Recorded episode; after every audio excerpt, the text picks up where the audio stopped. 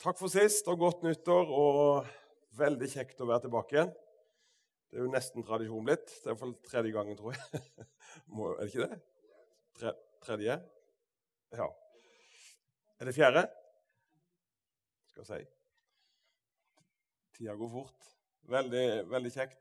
Godt å se Vidar òg. Han trodde han var ute i verden, men Ikke sånn i verden.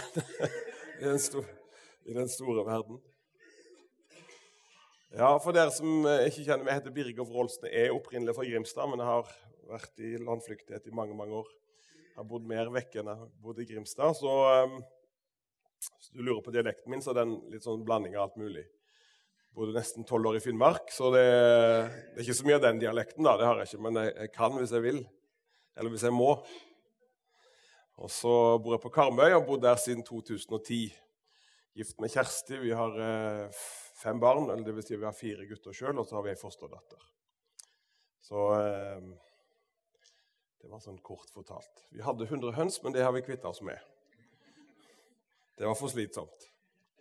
Men eh, ja. Nå er, det alltid, jeg syns bønneuker Jeg liker jo bønneuker, bønnemåneder, bønnemøter. Alt det kjemper jeg med. Det er veldig bra. Um, og um, vi har hatt starta året med en bønnekonferanse på Karmøy, så vi er liksom godt i gang. Det regner jeg med egentlig dere òg, men uh, vi har uh, fått en sånn uh, god, god, start på året. Og vi har, på oss hos oss har vi bønnemøter hver dag. og nå har de bønnemøter fra ni til ett om dagene, så det er liksom noen timer om gangen da de holder på. Så det er litt ulike grupper som treffes til ulike tidspunkt. og det er Sånn at ikke noen skal ha unnskyldning for ikke å komme. Vi har alltid et tidspunkt som måtte passe. Eh, enten det er tidlig om morgenen eller på dagen eller kvelden eller ja. Det som jeg tenkte litt i kveld, og så begynner litt forsiktig, eh, det ville vise seg, da. Men eh, egentlig så har jeg Når jeg ba litt for denne uka her, så jeg fikk jeg jo et tema. Og, men det var egentlig en setning, og det har allerede noen vært inne på her. Eh, og Det var egentlig den, den setninga som disiplene Etter å ha vært med Jesus, så, ehm, så fikk de jo være med og lære mye.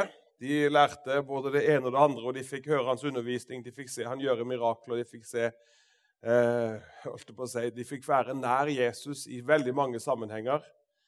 Men det de ber, ber han om, det er 'Herre, lær oss å be'. Og det har jeg egentlig kjent for dette nå. Jeg gikk inn i et nytt år. I, for, i, for, i forkant av konferansen også, så kjente jeg bare en sånn en lengsel. Om jeg har vært pastor over 20 år og vært forkynner og vært på mye bønnemøter, så kjenner jeg fremdeles på den samme bønnen 'Herre, lær meg å be'. Uh, og Det tror jeg kan være en uh, veldig fin inn, en inngang til en bønneuke.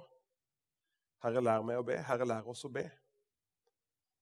Lær meg å ta noen nye steg. Herre, lær meg å og be, ta noen nye skritt i mitt bønneliv, i de private bønneliv, men også kanskje for menigheten, at vi tar noen nye steg eh, felles som menighet. Um, og eh, Det er egentlig det som jeg har tenkt litt på også for denne kvelden. Vi skal bare, skal begynne, vi skal lese noen skriftsteder sammen, og vi går til Markus evangelium, kapittel 1.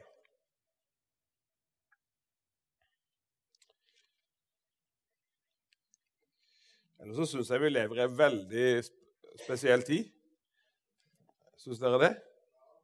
Det er mye som skjer. Og det er mye, det er mye Mange ting jeg går og tenker på når jeg ser både nyhetsoppslag og, og, og så, så, tenker jeg at eh, ja, vi, man kan kjempe på ulike måter, men uh, bønnens vei det, det er den mektigste veien som Gud har gitt oss. Eh, folk må gjerne gå i demonstrasjonstog. Jeg har ikke så veldig tro på det, men jeg har tro på å be. Eh, for det, det, Jeg tror ikke det er spesielt eh, evangelis evangeliserende å gå i demonstrasjonstog mot de ufrelste. Men Jeg vet ikke om det er så bibelsk heller. Men vi skal iallfall forkynne evangeliet for dem. Men noe vi kan gjøre, det er å be, for det har jo med samfunnet vårt og det er veldig mange ting som, som rokkes. Og jeg tror at bønnen er en sånn, en sånn mulighet, en sånn, en sånn kraft, en sånn, sånne nøkler, sånne løfter som, eh, som, som, har sånn en kraft i seg at hvis vi tar det på alvor, så vil vi få se mye mer skje rundt oss enn om vi kjemper på andre vis. Og, eh, og det, jeg tror det var dette av disiplene, for De hadde jammen blitt lært å be kan jeg tenke med den jødiske tradisjonen. De hadde fått lært seg både å lese Guds ord og lese loven og pugge og lære og både bønner og veldig mye forskjellig. Men allikevel så var det noe når de så på Jesus som var så annerledes. Og Det står i Markus 1, kapittel 1 og fra vers 34. Han helbredet mange som led av forskjellige slags sykdommer, og drev ut mange onde ånder, men han tillot ikke åndene å tale, for de kjente ham for de kjente ham. Dette er jo på en måte en, på sluttfasen av en dag som har vært full av mirakler. Hele byen er utsida av huset hos Jesus. Og, og, for det står i vers 32 da det ble kveld og solen var gått ned, brakte de til ham alle som var syke, og de som var besatt av vonde ånder. Og hele byen var samlet utenfor døren. Så dette er jo interessant, bare, bare den settingen der. Eh, og så står det han helbredet mange som led av forskjellige slags sykdommer. Drev ut mange onde ånder, men han tillot ikke ånden å tale, for de kjente ham. Men tidlig om morgenen, mens det ennå var ganske mørkt, så sto han opp og gikk ut. Han dro bort til et øde sted, og han ba der. Gå til kapittel 6 i Markus.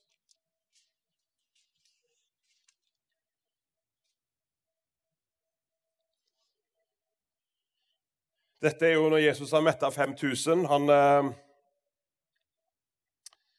eh, fra vers 44 De som hadde spist av brødene, var 5000 mann. Vers 45 straks nødde han disiplene sine til å gå i båten, dra i forveien over til den andre siden, til Betzaida, mens han selv sendte folk av sted. Da han hadde tatt avskjed med dem, gikk han opp i fjellet for å be.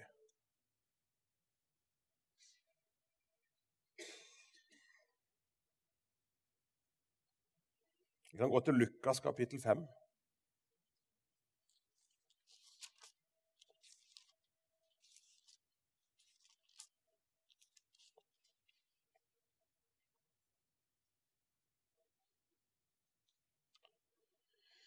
Igjen så ser vi dette at, fra vers 12 at uh, det skjedde mens han var i en av byene. så Da var det en mann som var der full av spedalskhet. Han fikk se Jesus, falt han ned på sitt ansikt og ba ham se, eh, og sa, 'Herre, om du vil, så kan du rense meg.' Han rakte hånden ut, rørte ved ham og sa, 'Jeg vil, bli ren.' Og straks forlot spedalskheten ham. Og han bød ham at han ikke skulle si det til noen, men gå og vis deg for presten, og bær fram renselsesofferet, slik Moses har påbudt, til vitnesbyrd for dem. Men ordet om ham kom bare enda mer ut. Ordet om ham kom bare enda mer ut, og mye folk kom for å høre og for å bli helbredet for sine sykdommer. Men han dro seg tilbake til et øde sted, og han var der i bønn. Han dro seg tilbake til et øde sted og var der i bønn. Når gjorde vi det sist?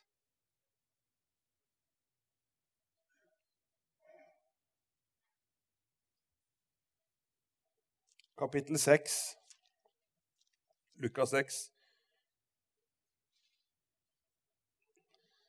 og vers 12. Igjen så har han helbreda, igjen så har han eh, vært til hjelp for mennesker. I vers 12 står det i disse dagene skjedde det at han gikk opp i fjellet for å be, og han ble der hele natten. Og han ble der hele natten i bønn til Gud. Nå snakker vi ikke om disiplene, nå snakker vi om vår mester, Jesus, menneskesønn, Guds sønn, som hadde behov for å trekke seg avsides igjen og igjen og igjen, så ser vi at han måtte gå avsides, og han brukte tid med sin far i himmelen. Og Han var der gjerne timevis. Han var der over tid. Det står at han var der hele natten i bønn til Gud. Hvis, Gud, hvis Jesus som Guds sønn trengte å trekke seg avsides, for å leve og ha fellesskap med sin far i himmelen. Og Vi ser flere plasser han sier til disiplene at jeg kan ikke gjøre noen ting uten at jeg har hørt fra min far i himmelen. Og Han levde i et fullkommen relasjon med sin far i himmelen, men han måtte dra seg avsides.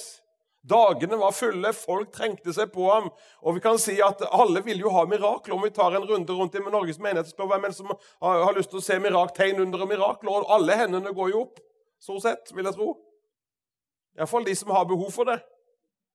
Uh, og, og hvis, vi, hvis, det var så enkelt, men så tenker vi at jo, vi vil ha miraklene, men vi vil ha det som fører til miraklene. For vi kan si Når du studerer Jesu liv og du går gjennom evangeliene, så ser vi at Jesus han trakk seg avsides igjen og igjen. Og mellom disse bønnestedene så skjedde miraklene. Og Det er ikke rart at disiplene, når de får se Jesus, da, så sier de, 'Herre, lær oss å be'. Lær oss å be. Det står i Hebrebrev kapittel 5, vers 17 at med sterkt skrik og tårer har han båret fram bønner. Altså Jesus. For Han blir beskrevet, hans bønner. Vi, vi, kan jo se dette i, i Getsemane, men jeg tror også det beskriver Jesus at han var stille, han var der bønn, men også var det tider der han virkelig kjempa. Der var en, der var en nød. Det var, det var noe over Jesus som han fikk bære fram for sin far i himmelen. Med sterkt skrik og tårer.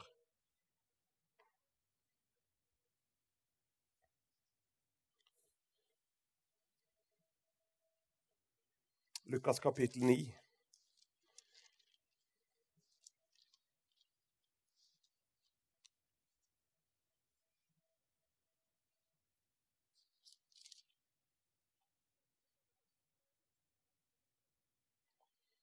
og vers 18.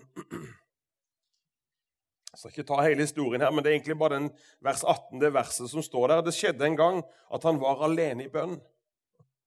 Det skjedde en, en gang at han var alene i bønn. Disiplene var sammen med ham. Da spurte han dem hvem sier folk at de er. Men igjen beskrives denne episoden her hvor, hvor, han, hvor han, er alene. Han søker sin far, han er sammen med sin far i himmelen. Og Så går vi til kapittel 11.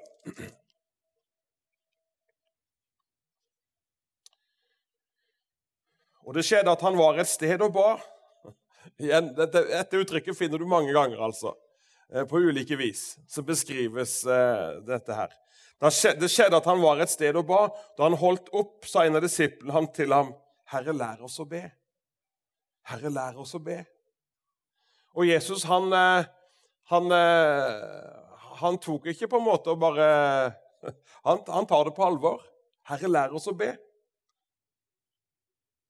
Slik som Johannes også lærte sine disipler å be. Han sa, sa da til dem, 'Når dere ber, skal dere si:" 'Fader vår, du som er i himmelen.' Vår far, du vår far, som er i himmelen. Og det var en radikal uttalelse til, til, denne flokken her. Å kalle Gud for pappa. Å kalle Gud for far. Men det er så godt å vite at når du kommer fram for Gud, så kommer jeg ikke fram for Gud som en pastor. Du kommer ikke fram som en eldstebror, du kommer ikke fram som noe annet enn at du kommer fram som et barn av Gud. En bruker å si det største du kan bli i Guds rike, det er et barn. Et barn av Gud. Og han er min pappa, han er min far. Han er min far. Han er min pappa. Han er, ikke, han er, klart han er jo alle, han er jo hele verdens pappa, men han er min. Og det her har undra meg mange ganger hvordan kan Gud elske meg når han skal elske hele verden? Hva blir så spesielt med meg da? Har du tenkt det? Nei, du har sikkert ikke tenkt sånn. Men, men, eh, men, jeg, men jeg, husker en gang jeg liksom tenkte på ja, Gud elsker meg. Og jeg husker jeg satt med ei jente og, og, som var nyfrelst, og hun hadde hørt at Gud elska henne. Ja, men det, det, sier han sikkert til alle, sa hun. Ja, det var jo for så vidt sant. det, det, var for så vidt sant. Men, men du vet at det, så, når, jeg, når jeg gikk og grunna litt på det, så tenkte jeg bare mer og mer på når jeg ble pappa. ser du. For når jeg ble pappa, så det er ca. 18 år siden, litt over 18 år siden Og så når vi da fikk vår førstefødte sønn Benjamin, så, så var det, det var fantastisk. Det var stort. Og vi elska jo Benjamin 100% Han var jo på en måte vår vår førstefødte, og han var vår eneste sønn, og vi elska han ubetinga. Det var det største vi hadde fått oppleve i livet. Men livet gikk videre, og vi plutselig så var Kjersti gravid igjen. Og vi venta nummer to. Og jeg tenkte, går det an å elske 100% Hvordan skal det her bli? Og så skal vi klare å elske en til like mye, eller skal vi klare å, blir det 50-50, eller hvordan blir dette? Ja, ja. Og så skjer jo det at fødselen skjer, og, og alle mine eh, tanker og grublerier på dette forsvinner. fordi at det som skjer når et barn til blir født, så utvider hjertet seg. Jeg kjente bare at vet du hva, jeg kan elske Benjamin 100% og så elsker jeg David like høyt 100% Og så skjedde det jammen med at vi fikk en til. Og enda en. Og det som har skjedd hver eneste gang, det er at hjertet har fått utvide seg.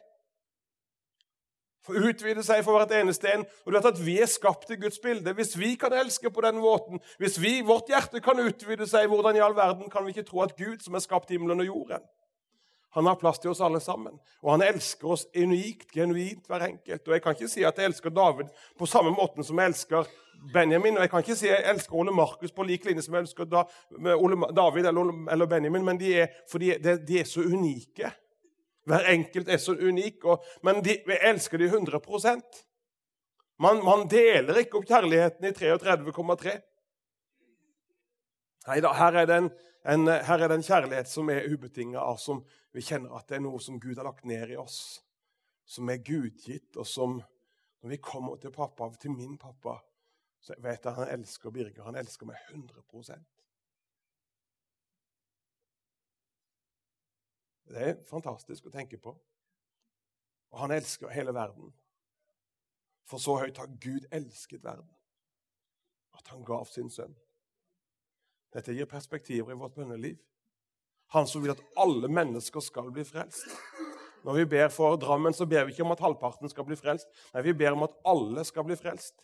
For vi må be i henhold til Guds vilje. Og han vil at alle skal bli frelst. Guds vilje Guds vilje er for at eneste menneske i Drammen skal få høre evangeliet og bli frelst. Ja, men det går vel ikke an?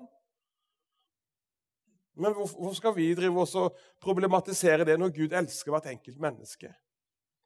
Birger klarer ikke å elske hele Drammen, men, men Gud utfordrer meg. Birger, klarer du å elske det mennesket som er framfor deg til enhver tid? Det er en utfordring. Men du vet at når jeg begynner å tenke sånn, og jeg begynner å spørre Gud, kan du hjelpe meg Herre, til å elske det mennesket som er framfor meg, vise noe av din kjærlighet, så skjønner jeg at da er det ikke bare nok å lese bøker eller å gå på skolen. Da trenger jeg å leve med Jesus i bønn, leve med far, innenfor Faderen. Få kjenne på hans hjerteslag for mennesker. Få kjenne at Gud rører ved mitt hjerte med den nøden som er rundt oss.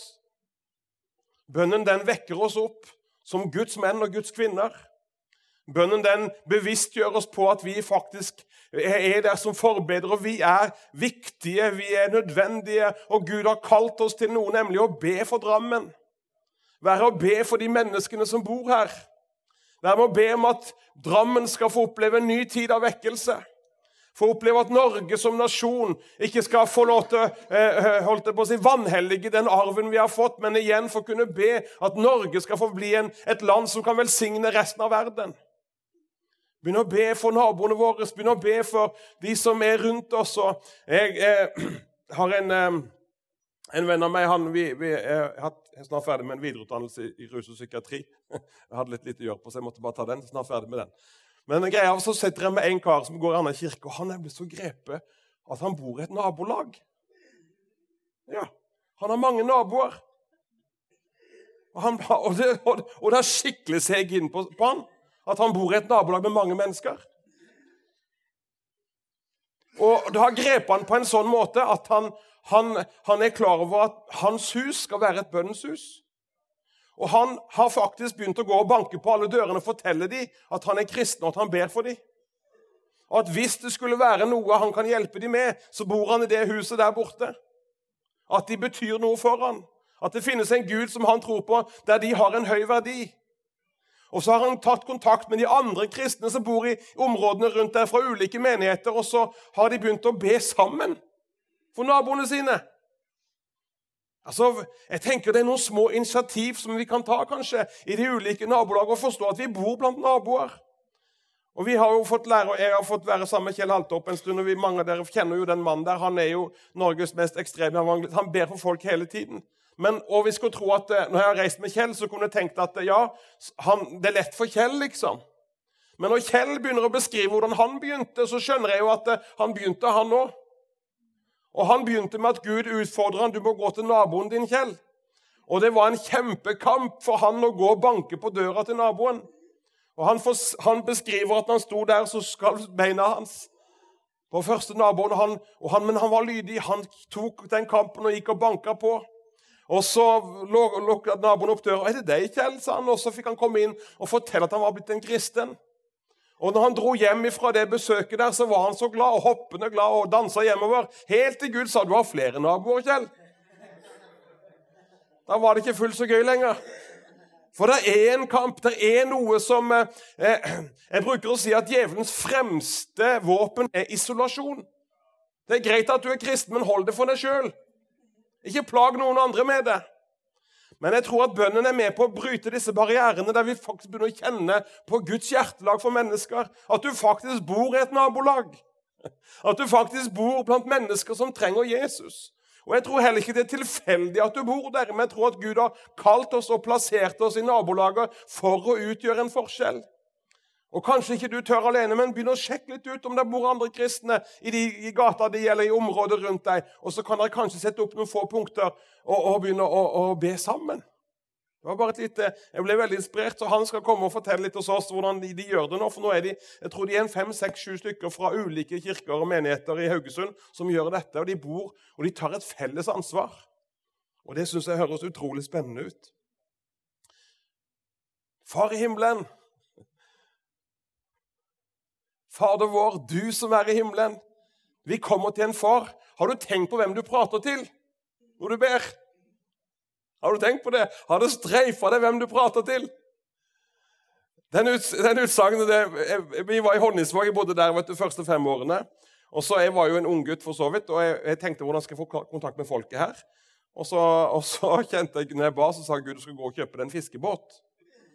Jaha, Så det gjorde jeg jo da. Kjøpte en fiskebåt. og Så, gikk, så fikk, fikk, jeg på kaien og så sa jeg til en kar der at du, nå har jeg kjøpt meg fiskebåt, og jeg har ikke peiling på fisk, verken fisk eller båt. Og så, Det syntes jo han var kjempestas, at, eh, at, det var en søring som hadde flytta til Honningsvåg, og som var pastor og prest i tillegg, og som hadde kjøpt en fiskebåt. Så det her var jo fantastisk for han, og han kalte de for Ni Liv. Alfred Karlsen han kalte de for Ni Liv. Alle hadde kallenavn oppe i Honningsvåg. Det, det, som var greia der, det var jo at, eh, at de hadde veldig respekt for, eh, for presten. og, de hadde veldig respekt for sånne autoriteter. da. Men spesielt presten hadde en veldig, de var veldig respektfulle for det. Eh, men så trodde de jo på alt mulig rart. Men som var greia her, det var jo at eh, en dag så står jeg på kai en mann, og så kommer lensmannen. Jeg visste jo ikke hvem lensmannen Jeg hadde ikke hilst på han. Og Så står han på kaien, og så står jeg på sida, og så står han fiskeren her i båten. Og så, sier, så står han og banner, han lensmannen da. Og da sier han derre Må du passe kjeften din, sa han. Vet du ikke hvem du prater til? Nei, hvem er det jeg prater til, sa han. Det er presten. Og da ble det plutselig veldig stilt. Og etterpå det så fikk jeg veldig god tone med den der eh, lensmannen der. Men så tenkte jeg når jeg gikk hjem, at vet du hvem du prater til når vi ber? Vi prater, vi, vi har fått fri adgang til skaperen av himmelen og jord. Vet du hvem vi prater til? Vet du hvem vi har fått tilgang til? Bønn er universalnøkkelen. Der vi kan få kommunisere og prate og dele hjertet med Gud. Med kongenes konge og herrenes herre. Han som skapte oss, han som har i før verdens grunnvoll, var du i hans hjerte. Vi prater, vi har fått tilgang til å dele vårt hjerte og be til Han som kan løse alle problem. Som har all makt, som, som Jesus sa, meg er gitt all makt i himmelen og på jorden. Gå derfor ut. Tenk at vi får be til en levende Gud som omsorg. Han, kaller, han vil at vi skal kalle han for vår far. Min pappa. Du som er i himmelen. En pappa representerer trygghet. En pappa representerer omsorg. En pappa representerer forsørgelse. Jeg har fire gutter, og de, og de, forsyner seg godt. De spør ikke om lov om å gå i kjøleskapet. Skulle ønske de ba litt mer om tillatelse, men de forsyner seg fritt. Det er jo kjemisk rensa for godteri fra etter en time det kom til hus, nesten. Det er blitt kommet til den alderen de vet akkurat hvor vi legger det. er borte. Jeg er vekk en dag. Altså, De vet hvor alt er, og de forsyner seg fritt. Og Det er noe av det der, og vi, vi går ikke rundt og kjenner på det. Vi prøver å gjemme det, vi prøver å lage noen regler, men det er noe de er veldig trygge på pappa. At jeg ikke hiver det i garasjen. At jeg ikke sender dem på gata og sier 'nå får det være nok', av gårde med dere. Nei, de er trygge på pappa og representerer en trygghet, en godhet, en kjærlighet og, et, og, en, og noe rundt dem som de kan få vokse opp og få lov til å lære å kjenne at vet du, pappa han, han var der. Han er for oss. Han er ikke mot, men han er for oss.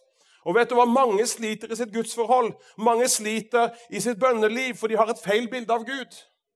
Mange har vanskelig for å komme fram for Gud med, med, med frimodighet, for de tror kanskje ikke Gud er fornøyd. At ikke det er bra nok, at ikke det er godt nok. Og når alt sant skal sies, er det ikke godt nok med noen av oss, hvis det var det på det planet. Men på grunn av Jesu blod, på grunn av Jesus, kan vi komme fram for nådens trone med frimodighet. Med frimodighet kan vi komme fram. Og vi kommer ikke til hvem som helst. Vi kommer til Gud, skaperen av himmelen og jorden, han som, han som bød og det sto der. Han talte, og det skjedde. Det er han vi prater med, det er han vi kommer til, og han er min pappa. Herre, lær oss å be. Fyll oss med nådens og bønnens ånd. La meg igjen, istedenfor at jeg skal bekymre meg til dødes, få begynne å søke med deg, søke Herren. Det er ikke en sang som heter det. 'Nå har jeg tenkt meg trett til dødes'. Si meg så hva du har tenkt. Syns den er fin. Når dere ber, skal dere si, 'Fader vår, du som er i himmelen, helliget vorde ditt navn.' Komme ditt rike. Halleluja. Hvilken bønn? Vi kan be, 'Komme', eller 'La ditt rike komme'. Guds rike det kommer Jesus, og vi vet at dette ble etablert på pinsedagen. og, og alt dette, Men allikevel, hvor vi er Guds rike, er ikke her, eller Guds rike er inni dere. Vi er en bærer av Guds rike. Der hvor du kommer, så blir det reaksjoner. Og der hvor du kommer, så, så er det et lys som tennes. Det er noe som er med på å utgjøre en forskjell. Og når vi ber 'Komme ditt rike', vi ber Herre, manifester ditt rike rundt oss. Jeg tror vi har så mye for. Vi har, vi har egentlig, Håkon Fager kan si det at vi, det er mye frossen kapital, sier han om enkelte plasser han kommer til. Her er mye frossen kapital, Birger. Det betyr at her er det et potensial som ligger der, men, de, men man, man, bruker det ikke. Det kommer ikke til, til nytte. Det, det, ligger der. Det ligger et enormt potensial. Og det tenker jeg egentlig om Guds menighet. Det ligger et enormt potensial. Hvordan skal vi forløse jobb? Selvfølgelig med forkynnelse om alt dette, men jeg tror at bønnens vei Nei, Vi begynner å be Vi begynner å be for den barnegenerasjonen, barna våre. Vi ber for ungdomsgenerasjonen. Og vi ber for at hver enkelt i Guds menneske skal finne sin plass og forstå at vi lever for noe større enn oss sjøl. Gud har en plan, Gud har en hensikt med hver enkelt av oss. Og jeg tror at Når vi begynner å be, når vi begynner å søke Herren, og vi begynner å komme, så begynner vi å forstå at vet du hva, Gud har bruk for meg. Selv om vi begynner å nærme oss 90, så har Gud fremdeles bruk for meg. Ja, Gud har bruk for hver enkelt. Og han ønsker å smelte oss sammen i en større hensikt, at vi er her for å utgjøre en forskjell. Derfor er det bra med en sånn visjon, at vi er for å være med å bringe mennesker inn til Jesus. Og være med å lære dem å være, bli etterfølgere av Han. Herre, lær oss å be. Det er klart at Jesus, Når de så på Jesus, de, de fikk en sånn lyst til å ha en sånn relasjon med far. Og Jeg har fått være med nåde de siste årene, jeg har fått koble på noen mennesker. Det er noen mennesker som jeg kjenner, jeg har vært sammen med dem, så kjenner jeg bare Herre, lær meg å be. Som ung pastor i Finnmark så fikk jeg være med Dennis mye, og, i, og han var oppe klokka fire hver morgen. Jeg spurte kan jeg være med deg når du ber. Og det er klart at klokka fire om morgenen da, og, og var, Jeg tenkte nå skal jeg sjekke han litt, for han sa han hadde ikke, han, han ikke trengte klokke. Vekkerklokke. Jeg måtte ha vekkerklokke, jeg måtte ha tre stykker for å klare å komme opp klokka fire. Men uh, greia var at vi var i tre ulike tidssoner på tre ulike dager. Tenkte Det ble en utfordring. Vi var i Finland, Norge og Russland på tre dager. Og så, Jeg hadde klokka på, men jeg visste at, for vi delte rom noen plasser også. Men når jeg våkna, så var han allerede oppe. Han hadde ikke hatt noe klokke på. Helligånd var der og vekka han. En, en avtale med Gud. Men jeg hadde vært med Dennis på ulike turer og ulike situasjoner, så kjenner jeg Herre, lær meg å be. Jesus levde et liv med sin far i himmelen som smitta av. Herre, lær oss å be. Når vi begynner å se bøndenes verden Jeg har vært nede i Afrika også. og jeg sammen med disse, kom på bønnesentre der de hadde 24-7.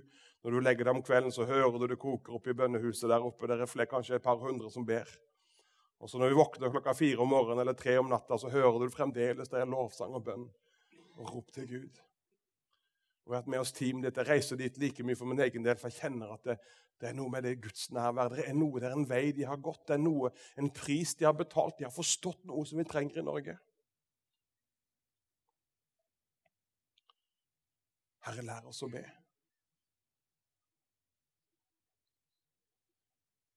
Vi har bedt på ulike vis. og vi, og En ting som jeg har spesielt lagt merke til når jeg kommer til Afrika, og når jeg har fått vært sammen med Jesse Karanja, som, som leder dette bønnesenteret Han er en lærer, han er en åndelig far. og han, det er, den, det er hvordan de proklamerer Guds sannheter.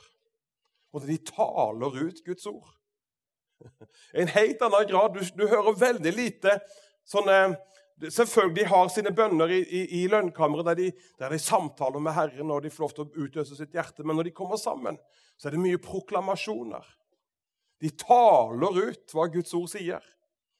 Guds vilje. De taler ut Guds sannheter. Og Vi vet at liv og død er i tungens vold. Så det som vi taler ut og Gud talte også til profetene dersom dere renser det rene fra det urene, så skal din munn bli som min munn, sier Herren. Taler han til profeten Jeremia.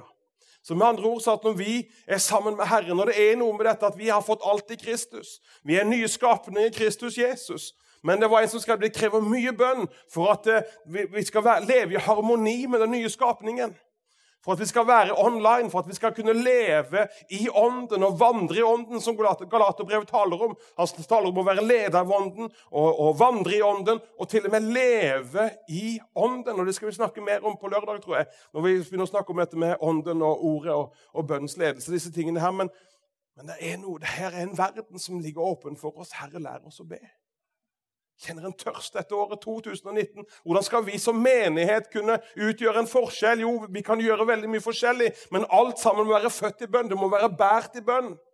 Drivkraften i det vi gjør, det må være et pulserende bønneliv. Skal du kunne ha et gjennombruddskraft og utgjøre forskjellen.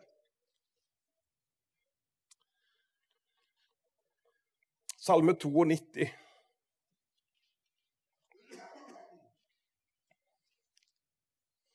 Det er noe med det som vi ser i det ytre. Og vi, og, og, vi, kan bli inspirert av ting som vi ser i det ytre. Men du vet at det ytre er alltid et direkte resultat av det indre. Det vi ser i det ytre, på godt og vondt, er et resultat av det indre. Enhver plante, enhver ting som du ser, og så fin, så flott, den har et skjult liv. Og Før vi går videre og prater om bønn eller ulike ting, så, så, handler det egentlig om mitt og ditt forhold til Jesus. Det handler om mitt og ditt lønnkammer, mitt og ditt skjulte liv. Der vil fienden sette trykket. Der vil fienden prøve å ta fra oss tiden. Klarer han det, så lammer han oss, begrenser oss, holder oss nede, gjør oss ueffektive og ineffektive. Der vi begynner å stole så mye mer på vår forstand enn på hva Gud har talt.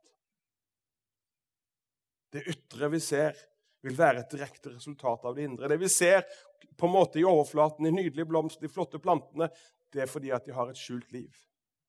Tar du planten opp av roten, så dør den. Her står det i Salme 92, den og fra vers 13.: eh, Den rettferdige spirer som palmen. Den rettferdige spirer som palmen.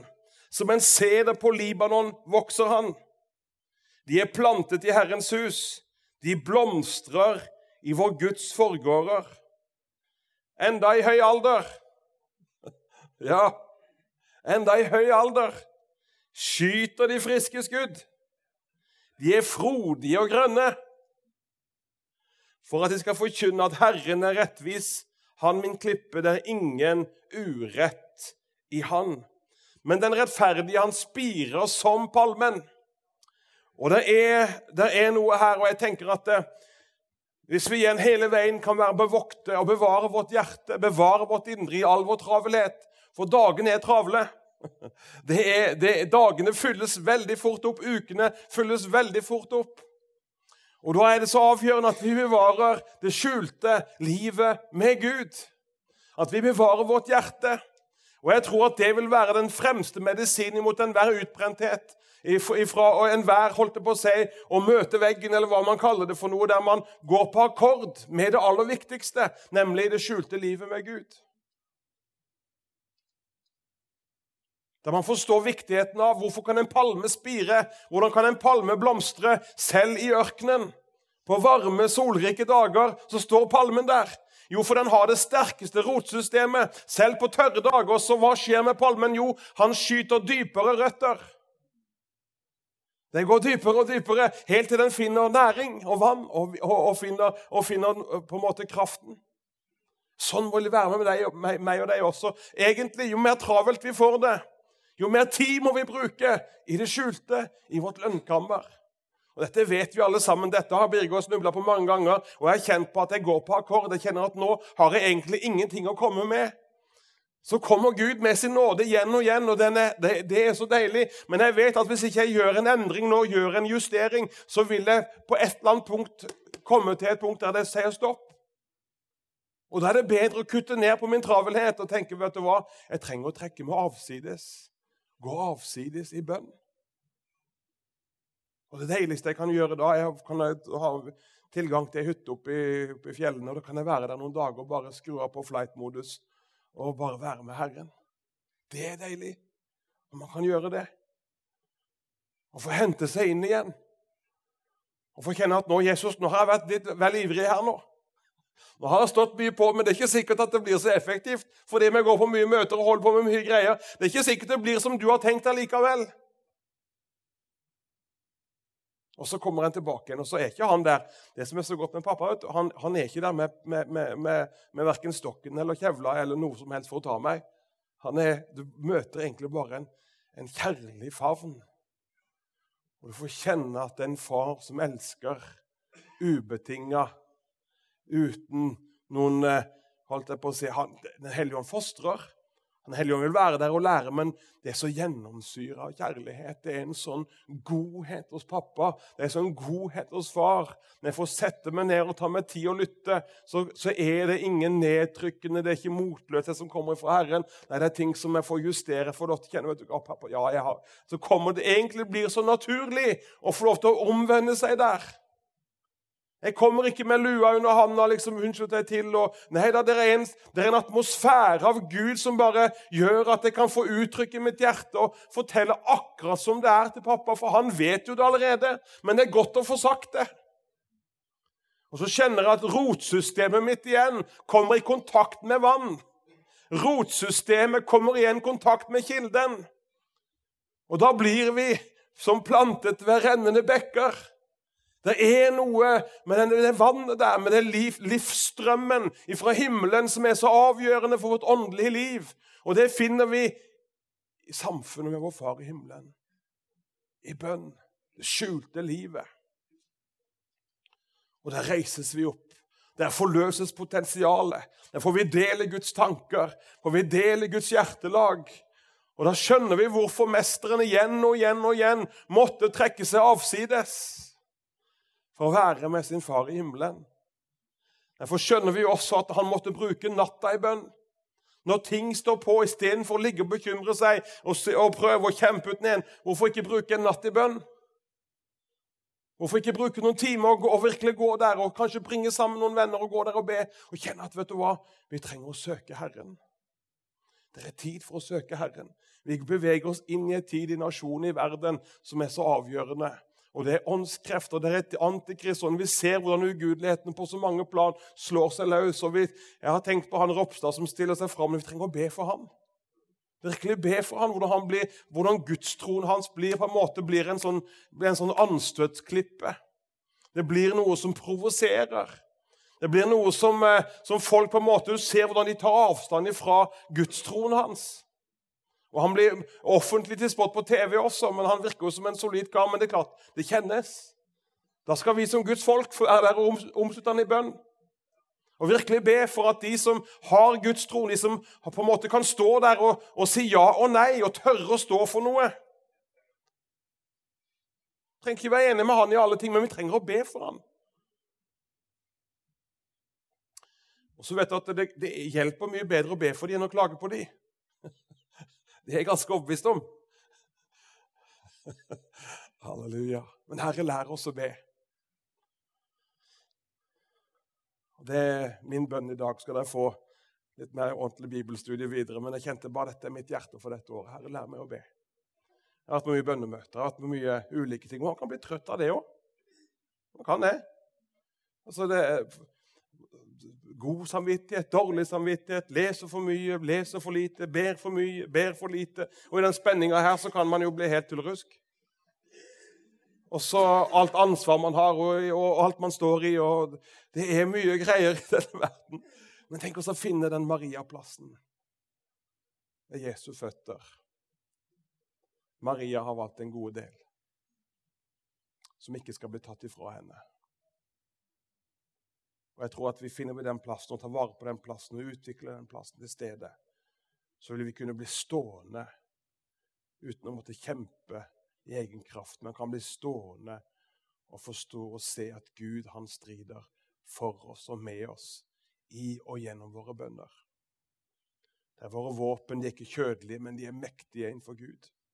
De river ned både tankebygninger og festningsverk på ulike vis. Gud har gitt oss en mektig nøkkel gjennom bønnen. Fienden er livredd for det. Derfor er det lettere å gå på kurs enn å gå på bønnemøte. For vi vil så gjerne utdanne oss og forstå mer. Men det fins en forståelse som vi bare får ved å be. Det er bra. Jeg liker bønn. Vi, vi, vi, vi, har tro på for troen den kommer av forkynnelse, så vi trenger det. Det også. Men eh, den beste måten å lære å be på, det er å be. Det er å søke Herren. Herre, lær meg å be. Selv om du har Kanskje du har en, en tid der Gud virkelig har kalt deg avsides til å be. Så Da kan du virkelig be at Gud skal vekke en, en la, det, la det få bli en bønnevekkelse. For det vil forløse vekkelse på så mange andre områder. Men kanskje du kjenner at bønnens område har vært noe som er blitt nedprioritert og neglisjert. For det har vært så mange andre ting som har vært påtrengende. Da kan vi få til å komme fram for Herren i kveld. Verken med dårlig samvittighet. Vi kan legge, det som ligger bak oss, kan vi ikke gjøre så mye med, folkens. Annet at vi kan få lov til å ta Herre, lær meg å be. Skal vi reise oss på våre føtter til slutt i dag også?